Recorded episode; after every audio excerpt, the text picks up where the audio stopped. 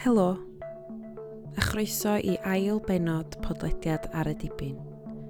Y podlediad sy'n trafod dibyniaeth, y celfyddydau a lles.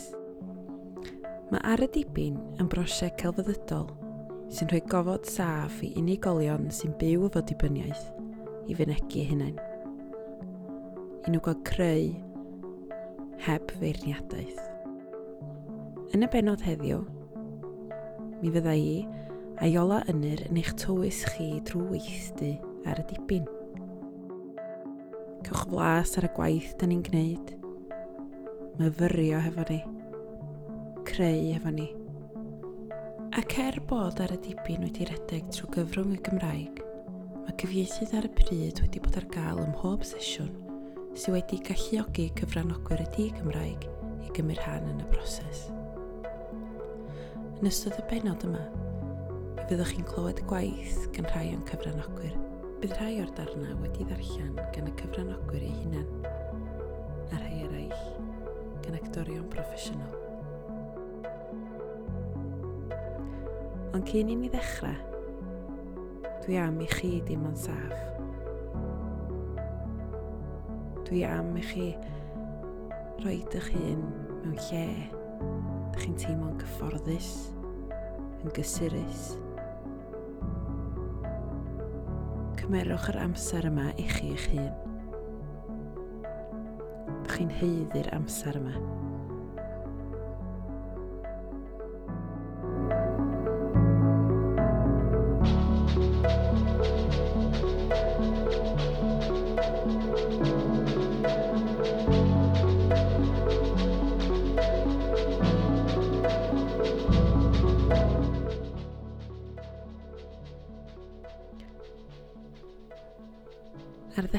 sesiwn, da ni'n gofyn wrth bawb sut mae tywydd nhw.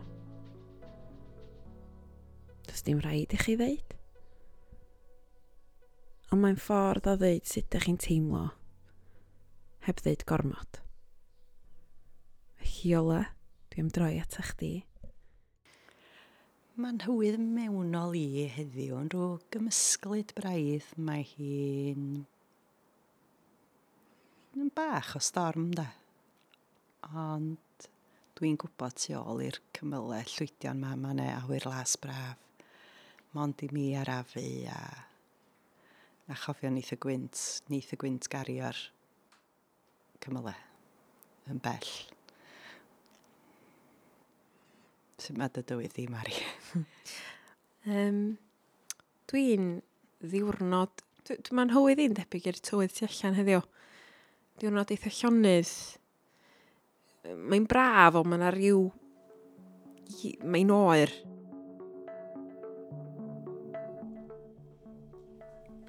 Stigma smashed, weakness revealed, vulnerability held, honesty supported, rawness and growth, you can have both, inclusive and seen, a journey it's been. Ar ôl gwneud yn tywydd mewnol ni, Da ni'n gwneud mantra. Dan. Iol eich di sydd cyflwyno fi'r mantra yma, ond dwi yn byw am y mantra yma. Dwi'n mynd i droi fatha gyd i ddod sôn am hyn. Gobindim o cande di enw'r mantra. Mae o'n fantra mewn Sanskrit, mae o'n uh, fantra i godi egni positif. A mae'n y gyfres o eiriau, so'r gair cyntaf di gobindi, cynhaliwr mwcande, Rhyddhawr, Wdare, goleiwr, a Pare, heb ddiwedd. Hariang, dinistriwr, Cariang, creawdwr, nirname, heb enw, a came, heb ddeisyfu, a wedyn da ni'n gwneud symudiadau gyd fynd efo bob un o'r geiriau yma. Mae o, mae rhywbeth swynol amdano fo does Mari. Ar ôl i wneud o, mae pawb yn tawelu, ond mm. hefyd ar yr un pryd yn teimlo rhyw fath o ysbrydoliaeth a rhyw bositifrwydd i fwrw mlaen efo gweithgareddau creadigol. Mae hefyd yn dy roedi yn y moment, dydy. Yndi. Um, os ydych chi eisiau gweld sut mae gwneud y symudiadau a sut mae gwneud y mantra, yn amlwg, da ni methu gwneud o dros bodlediad hefo dangos y symudiadau. Ond mae o'n fyny ar wefan Theatr Genedlaethol Cymru. A mae o'n fyny na i chi cael gweld. Ar y pwynt yma, fel arfer chdi sy'n dechrau um, ar dy ymarferion di. Ie, yeah, fel arfer, nhw'n ni gychwyn efo myfyrdod o ryw fath. Wedyn, os newch chi gael llygyd eistedd gyfforddus, rhaid traed ar y ddiar, a cymryd eich gwynt mewn drwy'ch sroen a jyst anadlu allan, a'ch neidio allan. A dychmygu eich bod chi'n sefyll mewn cae agored. A dych chi'n gwybod bod o'n gae sy'n agos at y môr, achos yn y pellter, mi dych chi'n clywed sŵn y môr. Mae'r môr yn gyson, yn dawel, yn rhyw bresenoldeb, sy'n rhoi cysur. Mi ydych chi'n teimlo'r ddeiar o dano chi.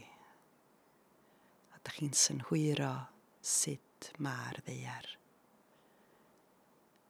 Mi allwch chi benderfynu os dio'n wair, neu dio'n fwy caregog, neu wrach bod chi yn sefyll ar gareg neu ar graig.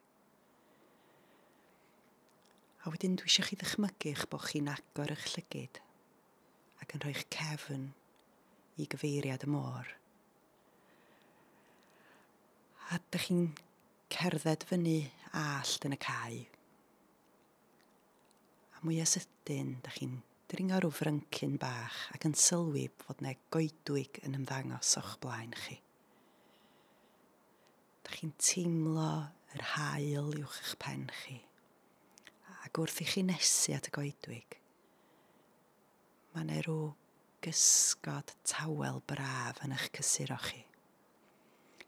Da chi'n camu rwan i mewn i'r goedwig. A mae yna lwybr o'ch blaen chi, gywch chi benderfynu sut lwybr ydi o. A da chi'n teimlo tymheredd yn gostwng wrth gerdded i mewn i ganol y coed. Dwi eisiau chi ddechmygu sut goed ydyn nhw pa fath o goed. Ydyn nhw'n goed newydd? Ydyn nhw'n hen goed?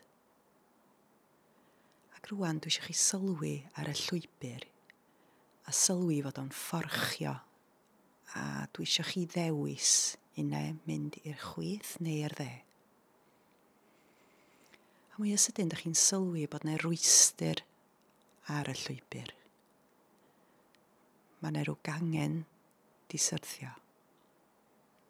Dwi eisiau chi weld y gangen yno, gweld i maint hi, a dwi eisiau chi benderfynu sut ydych chi'n mynd dros yr hwystyr yma. Gwch chi benderfynu'n union. Ac rwan, da chi wedi dod dros yr hwystyr. Mae'r llwybr yn dechrau mynd am i lawr rwan. A mae'r coed yn gwahanu a dych chi'n teimlo goler hael yn dod yn ôl ato chi, yn cnesu'ch croen chi, yn cnesu'ch corin chi, a mae'n deimlad braf. A dych chi'n mwyaf sydyn yn clywed deryn yn dechrau trydar uwch eich pen chi. A dwi eisiau chi sylwi a sbio fyny ar yr aderyn yma. A sylwi ar ei blio, sylwi ar bob manylder amdano fo. Mae'r deryn yn eich tywys chi rwan ar lwybr newydd. Mae'r coed yn diflannu. Mae pethau'n agor o'ch cwmpas chi. Mae'r tirwedd yn newid. A mae sŵn y môr i'w glywed yn y pellter. Ond be ydych chi'n sylwi arno fo nesaf ydy bod yr aderyn yn eich tywys chi at berson. Mae hwn yn berson sydd wir am eich gweld chi wrach nad ydych chi'n gwybod pwy dyn nhw eto, ond ydych chi'n gweld eu siap nhw a dych chi'n gweld y deryn yn eich tywys chi atyn nhw. Wrth i chi nesau at y person, dych chi'n dechrau gweld beth i oed y person ac dechrau gweld bod chi'n ei nabod nhw. Ewch a closiwch at y person yma a sylwch ar ei llygyd nhw sylwch ar y lliw tanbaid sy'n ei llygyd nhw. A sylwch ar y cariad sy'n o amgylch y llygyd. Ac ewch mor agos a sy'n teimlo'n gyfforddus. Ac mae'r person yma rŵan am sibrwd neges i chi.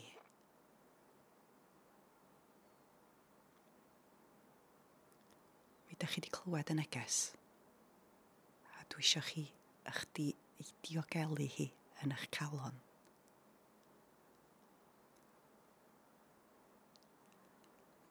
A gadwch chi'r aderyn bach eich tywys chi unwaith eto, yn ôl ar lwybr at y môr. Da chi'n dringo i lawr at y tywod. A da chi'n ôl yn union fel oeddech chi ar y cychwyn ond yn nes tro yma at y môr, ac yn nes at sicrwydd a sŵn y tonau.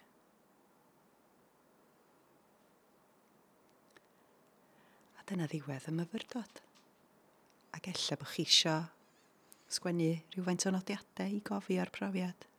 A gwrach isio sgwennu be oedd y neges. A wyrach wneith hwn sbarduno chi sgwennu mwy am sut ydych chi'n teimlo rwan.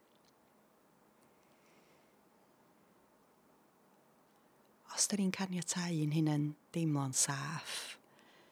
Mi allwn ni ganiatau yn hunain gael yn cysuro dim ots be di'r profiadau da ni wedi gael jyst cyn neud o neu be sy, os, os, os ydy ni'n cario unrhyw ofid, mi allwn ni adael llonydd i hwnnw am chydig os da ni'n fodlon ildio i'r myfyrdod. A, a da ni, o dwi bersonol wastad yn gwybod pwy sy'n mynd i fod yna, dwi'n cael neges. A dim ots, dim ots os da ni ddim chwaith, mae jyst bod ni yn fodlon caniatau i'n hunain ymlacio rhywfaint. Mae yna fydd o hynny. Mm. Ni am symud ymlaen rwan i wneud tasg bach. lle mi fydd rhaid sgwennu, felly os oes gennych chi bapur y beiro o'ch gwmpas chi, neu pensel, neu be bynnag, a papur hydd, dau ddarn o bapur hydd, Ac, Iolo, dwi'n mynd i ofyn i chdi ddeud yn union beth sydd angen neud efo'r papura. I ddechrau, dos na beth sy'n byd yn anghywir. Dwi'n atgoffa fi'n hun a phawb arall wastad pan da ni'n neud ymarferion i beidio poeni am sillafu. Er bod hi'n anodd weithiau pidio, ond dim ond chi sy'n mynd i fod yn sbio ar hwn, felly dim ond bod chi'n dall beth ydych chi'n trio gyfleu, ac eich iddo fod yn lyniau sy'n rhaid fod yn eiriau chwaith.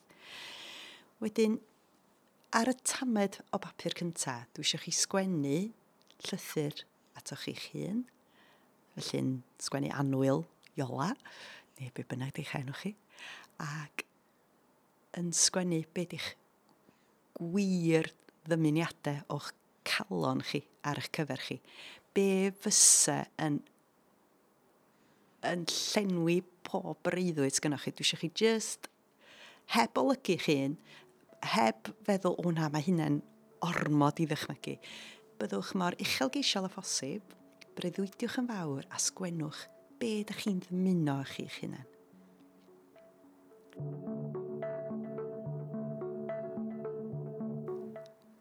Ac wrach sgwennu ar y diwedd, mi ddaw y dymuniadau ma'n wir. A sgwennu'ch enw, wedyn, os newch chi wneud hynny rwan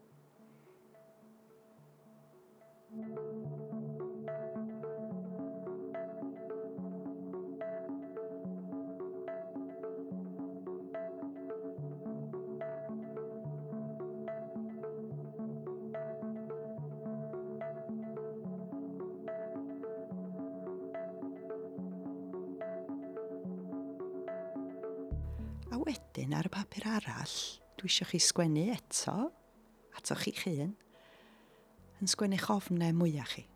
A byddwch mor onest a phosib. Mi allwch chi feddwl am ofnau bach, fatha swn i'n syth yn deud, o dwi'n ofni, na wna i byth golli pwysau er enghraifft. Ond dim hwnnw di'n ofn mwyaf fi o bellfor, hwnnw di'r ofn dwi'n dychwelyd a sefo hyd, ond dim hwnnw di'n ofni.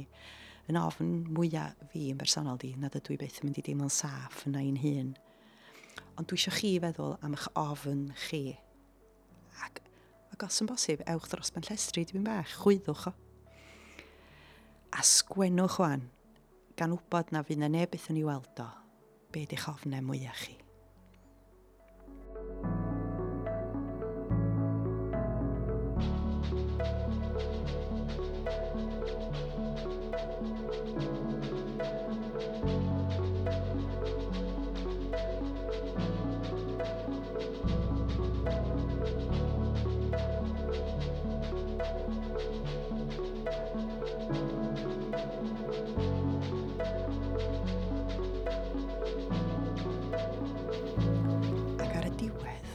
sgwennwch, does dim rhaid i'r un o'r ofn yma ddod yn wir.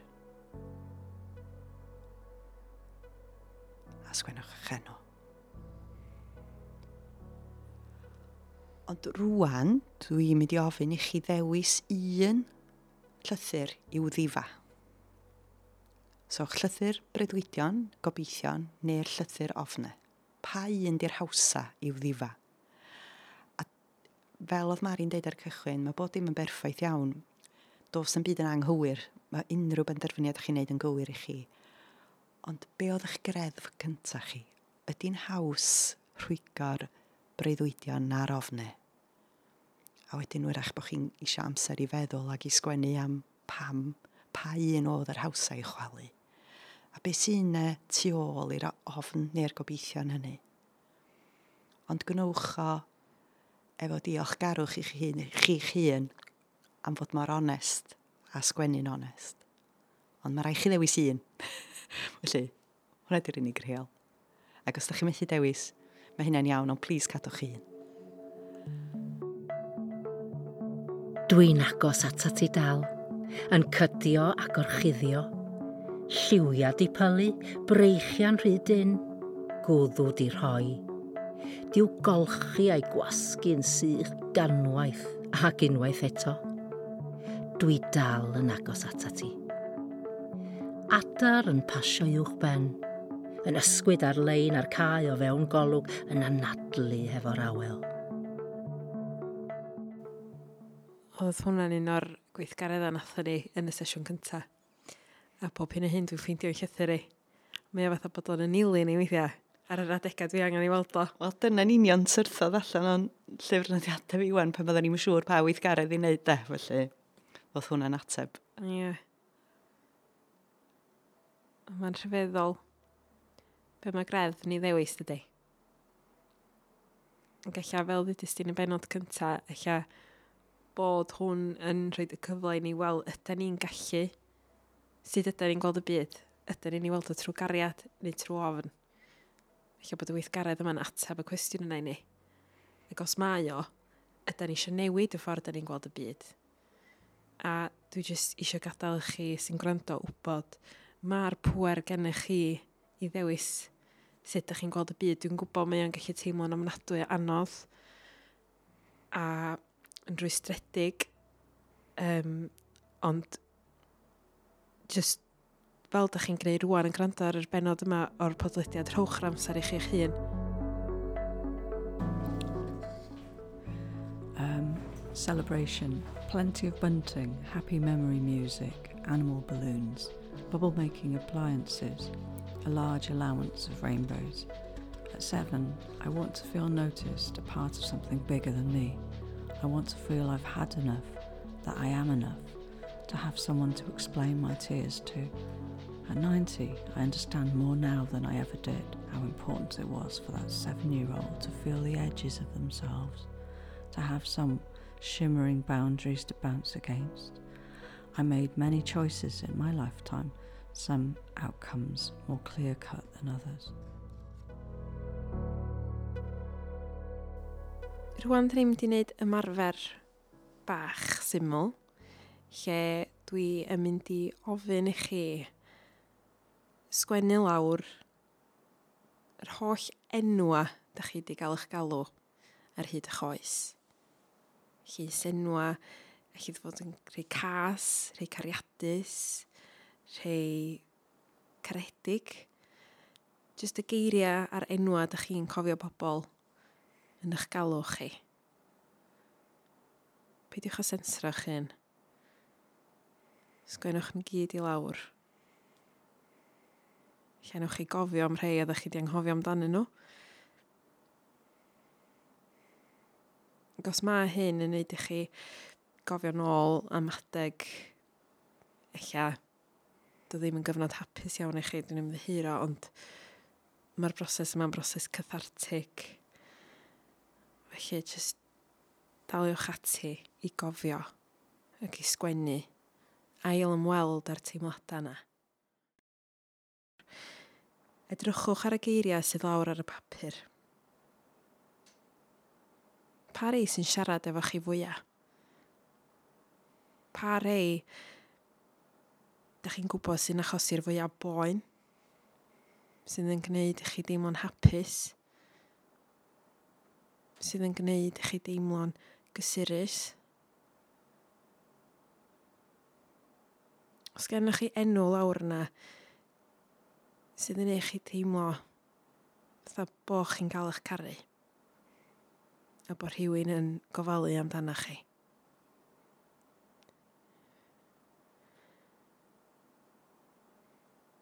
Dwi am i chi ddewis eich hoff eiriau a sgwennu rhywbeth. Geith o fod yn gerdd, geith o fod yn stori fer, yn ymson, yn lythyr arall i chi eich hun. Ond dwi am i chi ddewis yr enwa sydd yn siarad efo chi fwyaf. A bod chi jyst yn defnyddio'r geiriau yma i greu. Ac os mae'r geiriau yna wedi achosi poen i chi, newidiwch narratif y geiriau yna. Gnewch nhw'n rhywbeth positif.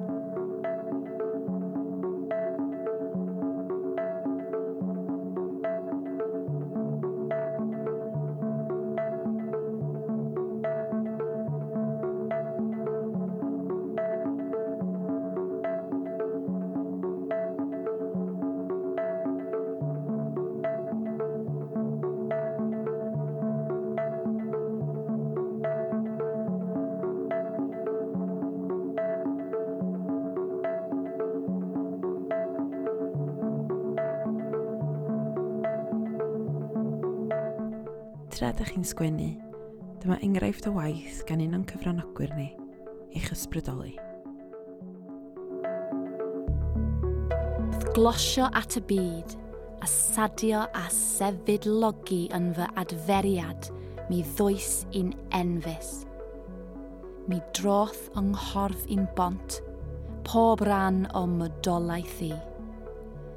Yng nghalon i y distraipan binc, fy o'r organau i ydy'r coch ni, yng nghroen i'r melyn a lliw gwahanol i bob braich a choes. Mae pob modfedd ohona i'n bont enfys slaid o adferiad.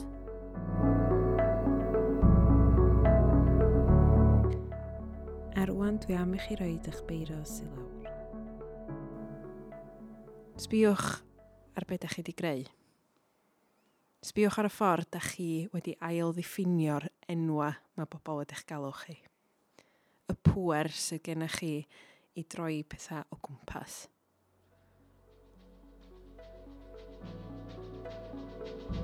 Da chi wych.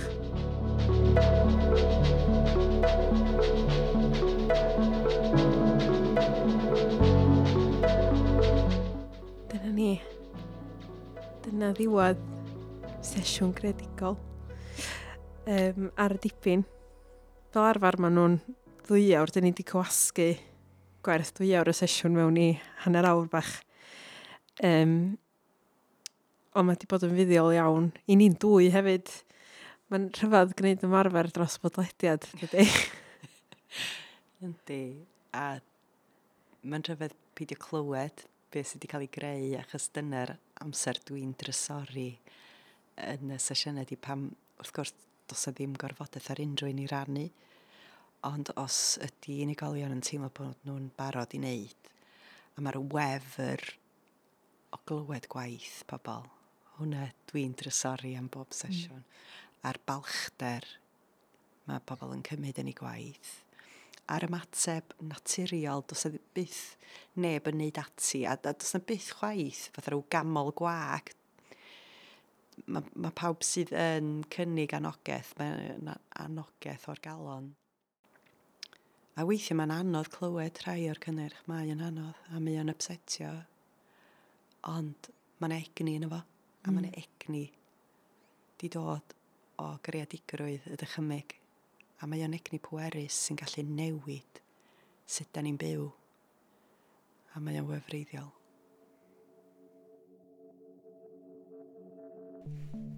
Diolch yn fawr iawn i chi gyd am rando. Diolch yn fawr iawn i chi gyd am gymryd yr amser yma i chi'ch hun. Dwi'n gobeithio bod chi wedi cael cyfle i sgwennu neu hyd yn oed jyst adlywyrchu ar y tasga a meddwl amdanyn nhw. Os ydych chi eisiau gwybod mwy am brosiect ar y dibyn, ewch draw i wefan Theatr Genedlaethol Cymru. Mae'r manylion i gyd yno. Diolch i Theatr Genedlaethol Cymru, Llenyddiaeth Cymru, Tai Adra a Bwrdd Cynllunio cam ddefnyddio sylweddau Ardal Gogledd Cymru am ariannu'r prosiect a'r podlediad.